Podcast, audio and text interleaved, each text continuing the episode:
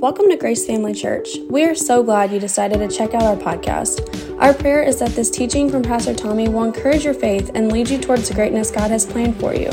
Thanks again for listening. We hope you enjoy this message. I want to continue the series. We've been uh, taking a look at, you know, I, have got a series that we've entitled Free Indeed. Um, and um, really, uh, we've been talking about how do we live truly free lives? How do we live, live lives that are not just, you know, in theory free and we shout about it on Sunday morning, but how do we live truly free lives? And we're looking at John chapter 8, uh, where Jesus talked about freedom uh, as our foundational text. So we'll read this and then just trust God with me that we get through what He wants us to get through this morning. Amen. Uh, John chapter 8 and verse 31. And uh, by the way, if, you, um, if you're used to the scriptures being up on the screen, um, I would encourage you pull your Bible app out or your Bible itself out. It wouldn't hurt you to just follow along that way. Amen? Uh, and so we'll do it that way. But uh, John chapter 8, verse 31, 32, and 36, uh, we'll read these verses. It says, Then Jesus said to those Jews who believed him, If you abide in my word, you are my disciples indeed. And you shall know the truth, and the truth shall make you free. Therefore, if the Son makes you free, you shall be free indeed. Let's pray before we get started. Father, thank you so much for your word. Thank you for your presence here. Holy Spirit, thank you for just manifesting the presence of God to us this morning. And I just pray that as we continue to move through this message, that you'll continue to have your way, that you'll use me to say the things that need to be said, to speak into individuals' lives who are need, need a word from you this morning. And I thank you for helping us continue to stay on the course and the path that you have for us as a church so that we arrive at the destination you have for us, which is a place where people find your help and find your love and find your goodness. And so we thank you for that, Father, in Jesus' name. Amen. Uh, here in John chapter 8, we see Jesus saying that it was possible for us to live free indeed. Everybody say free indeed. It's, it's possible for us to live free indeed. And we focused on those two words last week, free indeed, to define what they mean. And I think it's important to reiterate that this morning. First of all, the word free means unbound, unshackled, or not a slave or under restraint. So Jesus said we could live lives that were completely unbound. Now, I don't know about you, but I haven't completely arrived at that moment yet. There are still things I'd like to be free from. There are still things I would like to see happen in my life. There is still greater freedom I would like to experience. Amen? How, many of you in that spot? But Jesus said it is possible for us to move towards a place where we see less and less of being bound and more and more of being free. Amen? And so that word free means unbound, unshackled. And then we took a look at the word indeed. And that word indeed, you know, Jesus didn't just say, if the Son makes you free, you shall be free. But he said, you shall be free indeed. And that word indeed means in actuality, in reality. And as I was preparing this message, I really felt like the Lord was challenging me to challenge all of us that, you know, I think sometimes as Christians we can become guilty of uh, knowing what the Word says up here and even shouting hallelujah about it on Sunday morning, but just accepting things in our everyday life as that's just what I got to deal with, that's the hand I've got instead of recognizing that the Jesus that we shout about on Sunday morning that wants to set us free actually wants us to live free from those things that sometimes we just, you know, resolve to accept in our lives. And the reason he wants to do that is for a couple of reasons. It's really important to understand that. You know, one of the reasons he wants you to live free is because he loves you. Look at your neighbor and say, He loves me. He wants you to be free because he loves you. I got to tell you something. He wants you to be free more than you want to be free. That was a hearty amen to that one. He wants you to be free more than you want to be free. Well, you say, Well, I really want to be free. Well, just know something about Jesus this morning. He wants you free even more so. So much so that He went to the cross and died for you so that you can be. And so He wants you free. So, one of the reasons that Jesus wants us to live in this freedom is so that He can bless us because He loves us. But another reason he wants you free is because he wants you at the point where you are unfettered and unshackled and you can actually go and do something for the kingdom of God instead of being so busy dealing with your mess. Amen? I mean, how many of you realize if you're, you're bound up in a mess and you got to clean it up, right? It's, it's got to get taken care of. I mean, there are certain things you got to do. Now, certainly we need to cast our care on the Lord, but that doesn't mean to be lazy and not deal with your mess. So if you're busy dealing with all this, it's very difficult to deal with anybody out there that needs help. You know, I'll just break it down to real brass tacks. If you don't have a dollar in your pocket, you can't give the man that needs a dollar when he needs it, right? How many of you realize God wants to put more than a dollar in your pocket? He wants, to, he wants you to be blessed so that you can help people and bless people. Not only talking about money, He wants you to be in a blessed place where your family is happy and life is good and you can share from your experience with others how Jesus and the Word of God allowed you to be able to, be, uh, to, to experience that kind of freedom in your life. And so Jesus wants us to be free. I wrote this down last week. I really believe the Holy Spirit wants to challenge us individually and as a church. It says there is a flow of God's divine power in our lives that should bring real, everyday freedom from many of the things we can't seem to shake or that we just accept as an inconvenient part of our lives. There is a flow of the power of God that wants to set us free from those things. And Jesus tells us back in John chapter 8, verse 31, 32, and 36, if you got your Bibles and you're following along, he tells us how to walk in that freedom. It says, Then Jesus said to those Jews who believed him, If you abide in my word, you are my disciples indeed, and you shall know the truth. Everybody say the truth. And the truth shall make you free. Jesus said that the truth had the capacity to make us free. Now, what we said last week, I'm doing a little review, is that that word know doesn't mean you'll know of the truth. Doesn't mean you'll say, Amen, I agree with that, but you go about your life and don't really believe it. We're talking about knowing the truth. That word know is the word uh, gnosko, uh, and it's a Greek word in, or an Aramaic word. It means this to know through personal experience or to experientially know. So Jesus said, when you come to experience the truth, that truth will make you free. See, it's not just knowing what God says up here and shouting about it on Sunday morning that makes you free. It's not just knowing it and wanting it really bad in your heart that makes you free. It's an experience with the truth that makes you free. And so we need to understand that Jesus said that when we know it, when, when, we, when we've embraced it, it's become so much a part of our life that it's an experience in our life. It says, he says, it, it says, shall make you free. In the King James, it says it will set you free. So what that means is, is there is a capacity in truth when we experience it to actually deliver us. Not because I think so many times what people think is we hear the word and we got to go apply the word so that we can make ourselves free.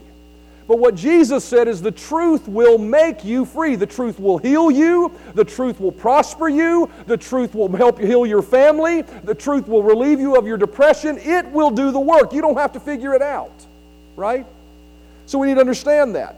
that knowing the truth would make you free. And so, you know, one of the things this week as I was really thinking about that is the good news about that truth is this if truth can make me free, then what that means is, is that I don't have to have the ability to make myself free.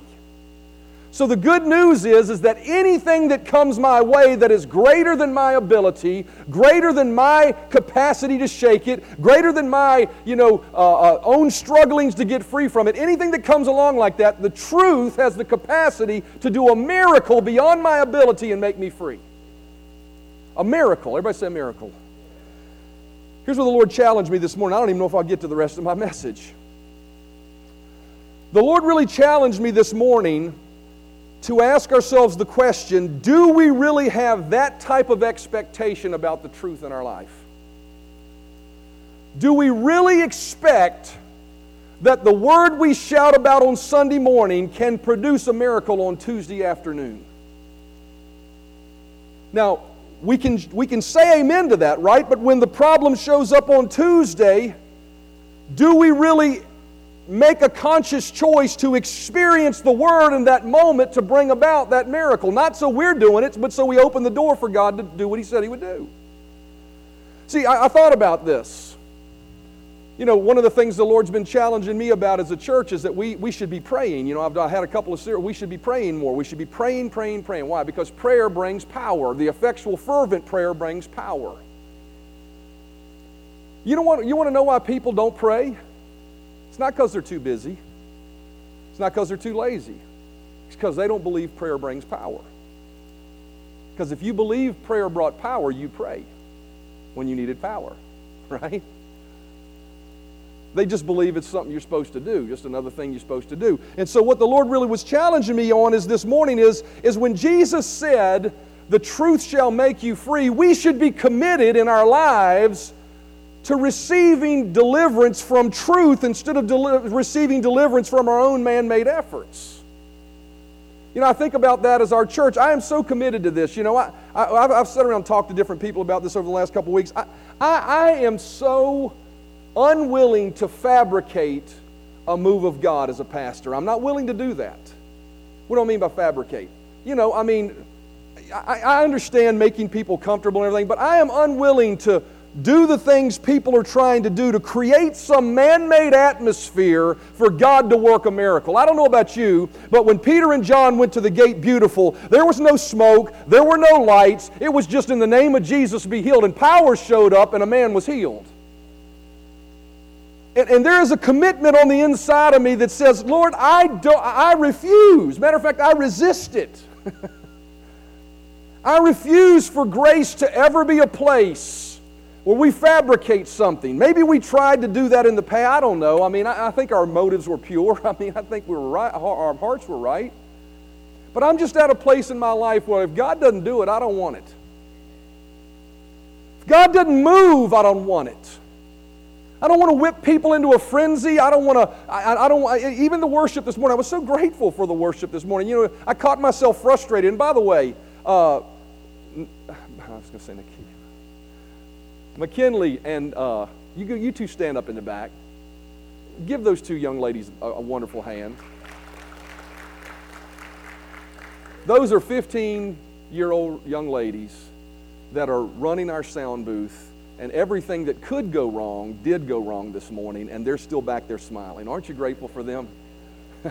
I'm so grateful for them. You know, um, and so I guess my point is, is I, I, was frustrated for a moment, thinking, "Man, is the service? They're not going to have." And then, and then as I was standing there worshiping, I was thinking the authenticity of the moment to just simply look at my Savior and say, "Your name is like honey on my lips." The authenticity of that is what I'm looking for. I don't know about you, but I'm, I'm, i guess I'm sharing what's in my heart, hoping that it's in your heart too, that is collectively as a group of believers, it's in all of our heart. That, Lord, we don't want a fabrication. We don't want coffee bars and lights and whistles.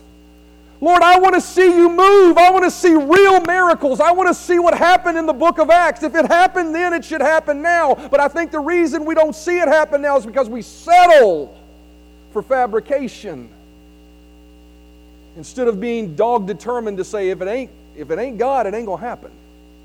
Amen. And so when I think about this in, in light of this message, Jesus said, You shall know the truth, and the truth will make you free. I'm interested in people showing up and hearing the message we preach here and walking out of here saying, I was bound before I walked in there, but I'm free now. And I'm interested for them coming back and understanding how to hold on to that freedom that they find through the words that we teach. And so, if we truly believe, and this is where I really want to go with this this morning, if we truly believe that truth can supernaturally free us, when I, when I think about it for a minute, what are the things in your life that, you're, that, that, that are just dogging you? You wish you could just say, I, I wish that would be gone. I wish that situation would change right? That thing, truth has the capacity to change it miraculously, beyond your ability, beyond what the doctors diagnosed, beyond what the checkbook says or your resources say are available at your disposal to address it. Truth has the capacity to bring down Jericho walls when it don't look like they'll come down. Truth has the capacity to part a Red Sea when the water doesn't look like it can be moved. Truth can make us free. So if we really believe that, then there should be a hunger on the inside of this to say, if I really believe truth can set me free, then I need to know what truth is. And so we talked about that last week. What is truth? We define truth in three different ways. Number one, the Word of God is truth. Everybody say the Bible, God's Word is truth. Jesus said, if you know the Word, it will set you free. Not only that, but Jesus is truth. We pointed out last week that, that Jesus said, I am the way, I am the truth, and I am the life. So if you know Jesus, there's an aspect of knowing Him that will bring freedom in your life. Not just knowing of Him, but knowing Him. He walks with me, He talks with me, a long life, narrow way, knowing Him, right? And then the Holy Spirit is truth. The Bible calls Him the Spirit of truth. And so, uh, what I'm focusing on in this series, and I don't know how long I'll go on this, but what I'm focusing on is this that those three aspects of truth, if you really want to walk in freedom, you have to experience those three things in your life regularly and consistently. Not just know of them, not just shout about them, but you have to experience them in your everyday walk. And so I want to talk to you today about two aspects of how to experience the first truth, the Word, in your life. How do you experience the Word? I was going to do three things, but I knew I would go long, so I'm saving the last one for next week.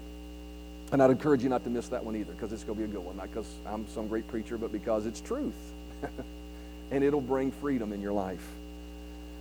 So, what, are, what is one of the ways uh, we must, you know, to experience the Word of God in our life, to truly experience it, right?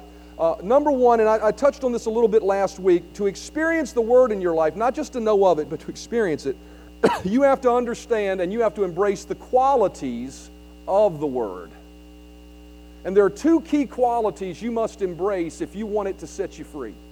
If you really want to release the power in it to bring freedom in your life. Number one, you have to embrace, and I said this last week, that the Word is, in fact, the truth.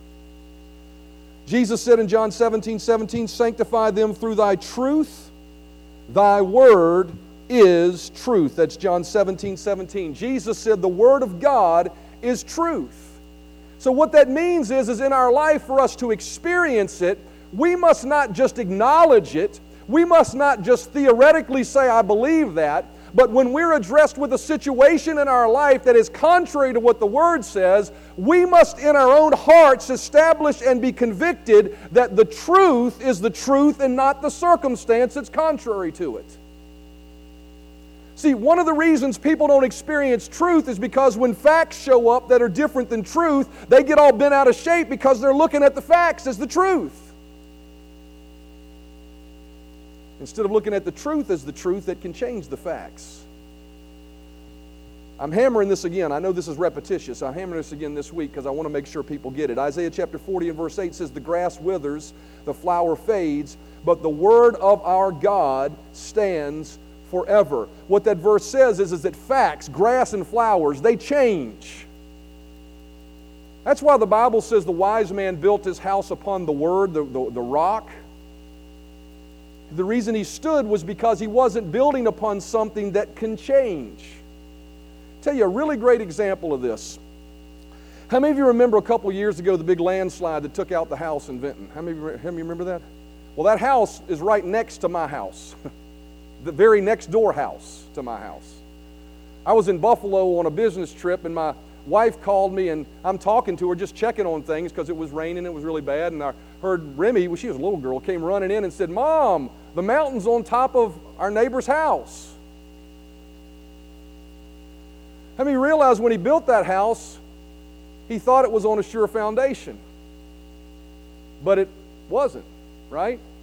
Facts were it looked like on a good foundation. County approved it, building code, everybody, it looks good, go ahead and move in it. But those are facts. Now, my house, when I built my house, right next door to it, I had to jackhammer rock out of the way just to get it in there. My house is built upon a rock. Literally. So my house didn't move. Geologist came in looked at it and said, Wow, landslide just 50 feet from your house. Didn't move your house. Your house ain't going nowhere. Isn't that good news? But the point is this facts change, but truth doesn't change. See, the truth of that situation really was it wasn't built on a solid foundation, but they thought it was. So what I'm saying is this is we must embrace that the word of God is the ultimate source of truth in our life.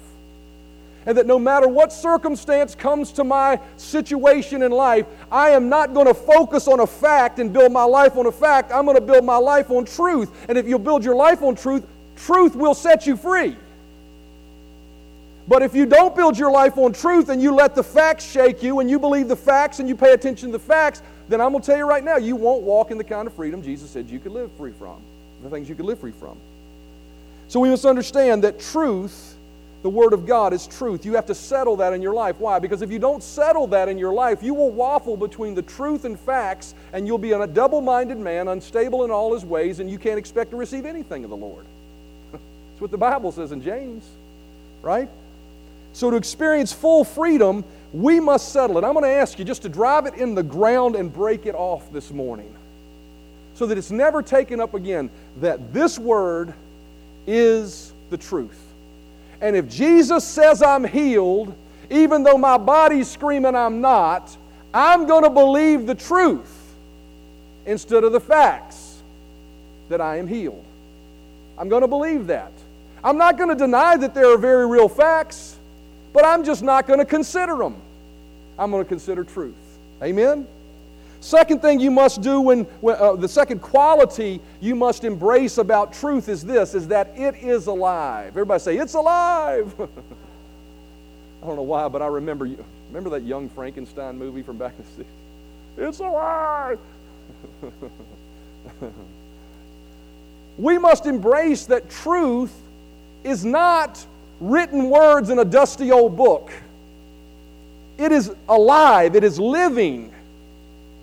The words are not all we're talking about believing. We're talking about the living nature of the Word. Uh, Hebrews chapter 4 and verse 12 says, The Word of God is living. Everybody say it's living. I want you to change your perspective this morning of the Word of God.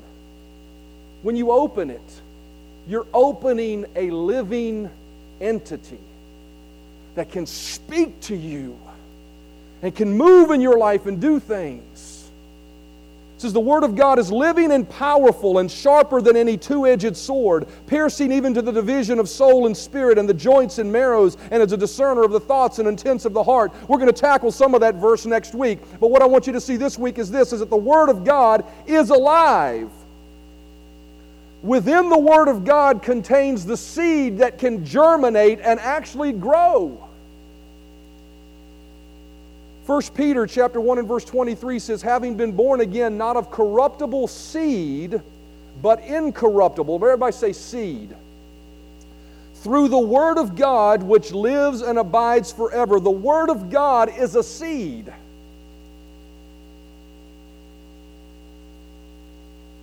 It's an incorruptible seed.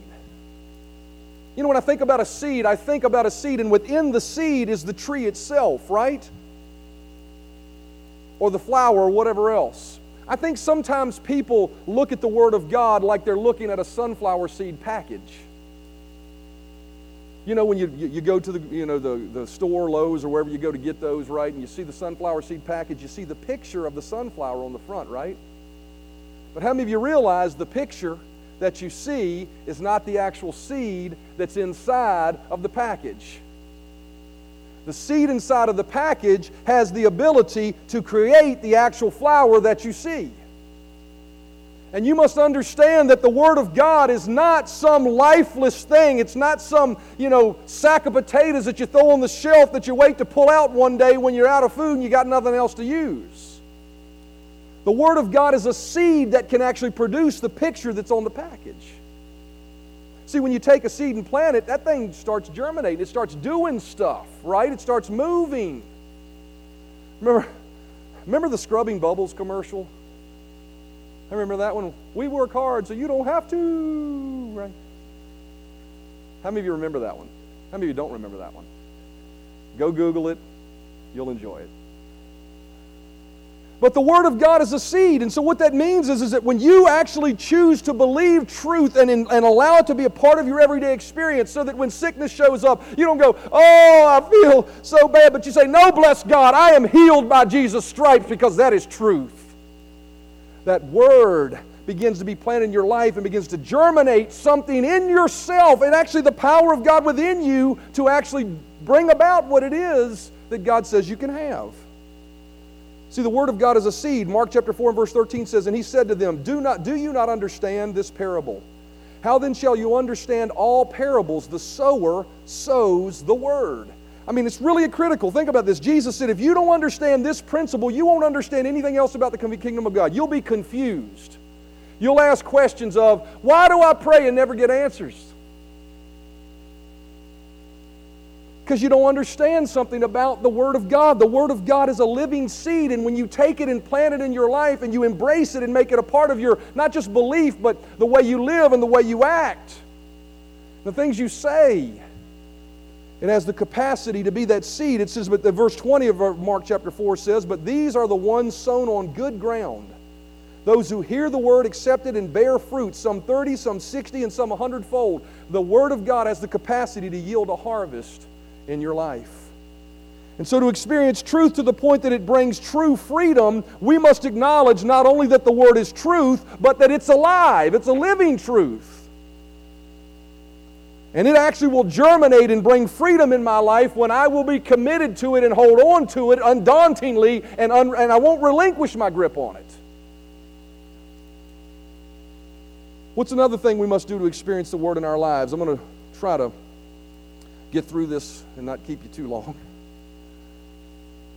To experience freedom, not only do we need to believe that the Word is truth and we believe that it's a lie, but then if we believe that about it, then we must obey it. Everybody say, you got to obey the Word.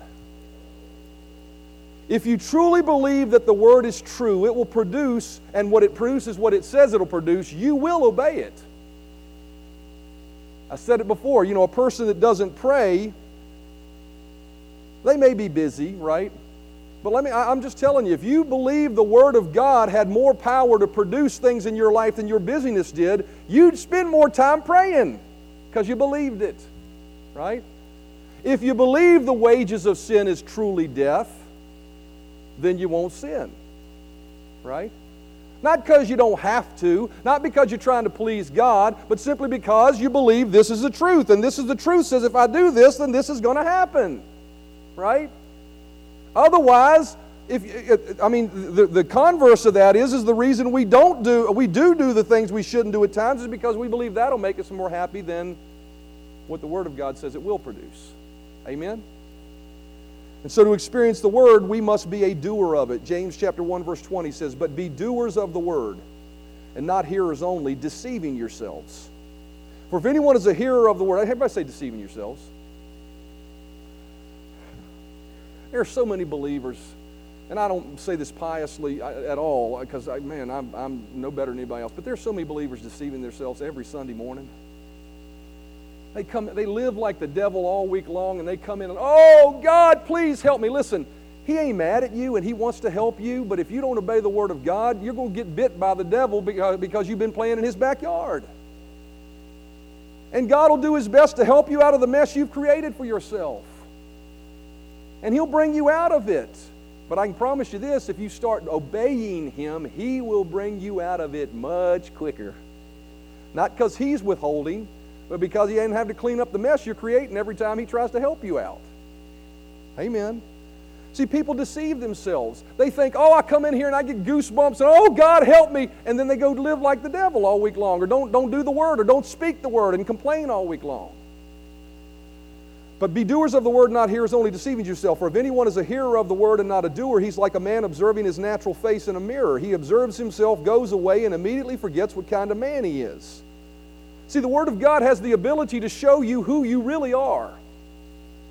When you look into the Word of God and it says, By Jesus' stripes I'm healed, that is who you are. That's your image in the mirror. But when you walk away and start saying, Oh, but I feel so bad, you're looking at a different picture. You're not looking at who you are. See, the Word of God, a, person that is experiencing the Word doesn't just shout about it on Sunday morning, but on, on Tuesday afternoon or Friday night or whenever it is, they're saying, No, this is truth. I got to do what truth says. Amen. Amen. Isaiah chapter 1 and verse 19 says, If you are willing and obedient, you will eat the good of the land. But if you resist and rebel, you will be devoured by the sword, for the mouth of the Lord has spoken it. I don't care whether that was spoken in the Old Testament or the New Testament, the word of the Lord stands forever. It's truth. Just because Jesus came and died on the cross for us doesn't mean that if you are disobedient, you're not going to experience pain. It just means that while you're experiencing pain, the blood of Jesus keeps you right enough with Jesus that He's still willing to help you through the midst of your pain, even though you created it. See, the new covenant was never an excuse for us to not live by the law. It was, an ex- it was actually a, a remedy for us to stay right with God when we didn't live by the law. Amen. And he says, if you're willing and obedient, you will eat the good of the land. But if you resist and rebel, you will be devoured by the sword, for the mouth of the Lord has spoken it. notice, it's a willing, it's not just a willing heart that allows us to see miracles that change the unchangeable things in our lives. It's a willing heart that is also obedient to what God has told us to do. You know, that is the recipe for miracles. Everybody say recipe for miracles. Remember the story of the, woman, uh, the, the, the first miracle of Jesus? Remember the water turned to wine? Why did that happen? Well, it's very clear. Mary told us in John chapter 2 and verse 5, she told those people after all the wine was gone and they were all worried what was going to happen. This is what Mary said to the servants. It says, His mother, Jesus, Mary, said to the servants, Do whatever he tells you. Everybody say, Do whatever he tells you. If you want miracles, just do what he says. No more, no less. Right? Isaiah 119 says, If you're willing and obedient, you will eat the good of the land. Now, notice what this verse doesn't say. I'm about to close, but notice this verse doesn't say, If you're willing and obedient, the Lord will approve of you and give you the good of the land. That's not what it says, is it? See, that's the way most people read it. If you're willing and obedient, then God will be happy with you, and because He's happy with you, He will bless you. But the truth of God's Word tells us that because of Jesus, He's already happy with us and we're already forgiven. So that verse is not saying if you obey God, then you pull some handle, some magic handle that causes Him to spit out a blessing. What that verse is saying is if you're willing and obedient, you're following His statutes that He's already given you that show you the way to blessing instead of being a hard head and following your own statutes, which leads to death and destruction, the Bible says. Amen. See, if we were all left to have to do the word to please God to get Him to bless us, I don't know about you, but I'd be in a world of mess. I mean, I got frustrated today, right? Had to hold my tongue not to really get mad, mad, mad, right? Right? So, so, I mean, uh, so we've all sinned, we've all come short of the glory of God, but God has blessed us and said that in spite of our sins, we are His righteousness. And because we're His righteousness, He's already given us truth that tells us who we are, that tells us what we need, that tells us how we can believe those things and watch that truth change us. Notice 1 Peter chapter 1 and verse 3. It says, His divine power has given us all things that pertain to life and godliness. Everybody say, given me all things that pertain to life and godliness. You say, well, if he's given me everything, I don't see it yet. That's a fact. But that ain't truth. Right? See, what this verse says is, is according to Jesus' divine power, let me read it to you. His divine power has given us all things that pertain to life and godliness through the knowledge of Him who called us by glory and virtue. So He's given us all things. How did He give us all things? By which have been given to us exceedingly, this is 1 Peter chapter 1 and verse 3 and 4, have been given to us exceedingly great and precious promises. Everybody say promises. How has He given us all things? He's given us promises. What are those promises? My God shall supply all your need according to His riches and glory. By Jesus' stripes, you were healed. Right? The peace of God that passes all understanding will keep your hearts and minds through Christ Jesus. Right? Whatsoever you put your hand to will prosper. You have been made an overcomer and a conqueror through Christ Jesus who loved us. In all things, we are victorious through him that loved us. Those are promises, right? And what that word, what that verse says is that we've been given everything we need. See, here's the problem and why most people don't walk in miracles is because they're asking God for a miracle instead of appropriating what God has already given them. See, there's a lot of people every day they're begging, oh God, please, oh God, please, oh God, please, because they think He's got their miracle in their hand. I'm going to tell you something God's all powerful, but He's already relinquished His miracle through the promises that are in His Word, and all He needs you to do is grab hold of that truth in that living Word and believe it. And when you mix it with faith, we're going to talk about this next week. When you mix it with faith, that Word goes to work to change things in your life. And so we need to understand that if, if we're going to live and abide by truth, we must, try, and we're going to see ourselves live in freedom, we must embrace the Word of God that has the, the power to change things. Amen? Musicians, as you come, Hebrews chapter 6 and verse 12 says this. It says, We do not want you to become lazy, but to imitate those through whose faith and patience inherit what has been promised. See, here's the way faith works. I'm going to touch on this. And I'm going to really go into this next week, but here's the way faith works.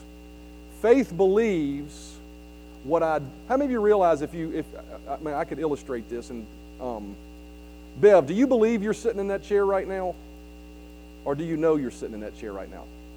Which one? Do you believe it or know it? Well, actually, so he know, he actually doesn't believe it. He knows it. Let me tell you why he knows it. Because if you, what is belief? Belief is to believe in something you can't see or touch, right?